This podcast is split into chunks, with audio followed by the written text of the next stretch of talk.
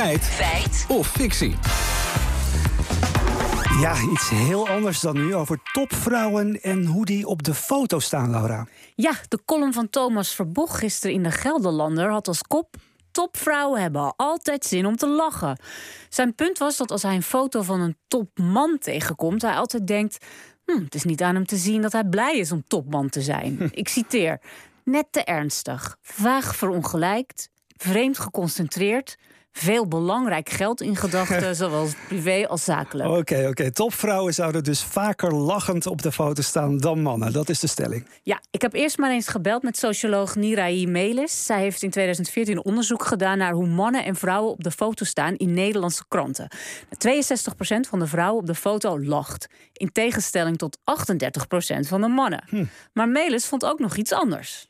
Wat heel mooi is zeg maar, in de kranten is dat als er bijvoorbeeld een interview wordt gehouden met iemand uh, die een man is over zijn werk, uh, dan wordt hij eigenlijk vrijwel altijd in een werkpositie uh, gepositioneerd. Dus of hij is aan het zagen, of hij zit op kantoor, of hij is een boek aan het lezen, of hij loopt.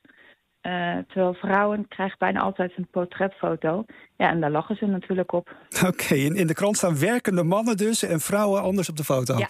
CR Melik Ooglu fotografeert veel mensen zakelijk. En zij herkent dat vrouwen vaker lachen dan mannen. Maar ze merkt ook dat daar wel verandering in komt. Ik doe dus empowermentfotografie en daar komen mijn klanten ook op af. En ook mannen waar het verlangen van is om meer, iets meer van zichzelf te laten zien. En af van die hele strikte gelikte zakelijke foto's. Dus die, de verlangen is er om iets meer te laten zien van zichzelf dan alleen dat hele strakke in het kostuum uh, foto. Ja, Melik Oogloe zet graag zowel mannen als vrouwen zoals ze zijn op de foto. Door middel van één of twee zinnen vraag ik vooraf van waar hou jij van? Wat houdt jou bezig? En deze info die gebruik ik eigenlijk om ijs te breken, om met ze in gesprek te gaan tijdens shoot. En dan zie je ze al ontspannen, omdat je het over iets hebt waar je blij van wordt. En je ziet die ogen ook stralen, het lichaam gaat ontspannen, waardoor je meer gewoon als jezelf op de foto staat. Goed, ja, er is dus een verandering gaande, echt interessant. Maar fotograaf Melik Oogloe herkent wel dat mannen minder vaak voor de camera lachen dan vrouwen. Ja, en volgens Melis hebben die lachende vrouwen wel gevolgen. Iedere foto die je ziet voedt namelijk je onderbewuste. Dus als je lachende vrouwen ziet. Dan denk je volgens Melis dat vrouwen lachen aardig zijn en meegaand zijn. Je verwacht gewoon andere emoties van mensen. En op het moment dat uh, de mannen of de vrouwen die emoties niet waarmaken, dus dat ze een ander spectrum laten zien, ja, dan raakt je brein een beetje in de war.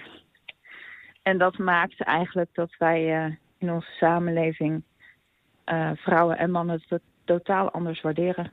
Ik hoor het al, uh, Laura. Terug naar het begin. Hebben topvrouwen altijd zin om te lachen op foto's? Feit of fictie? Nou, exacte cijfers over hoe topmannen en topvrouwen op de foto's staan heb ik niet kunnen vinden.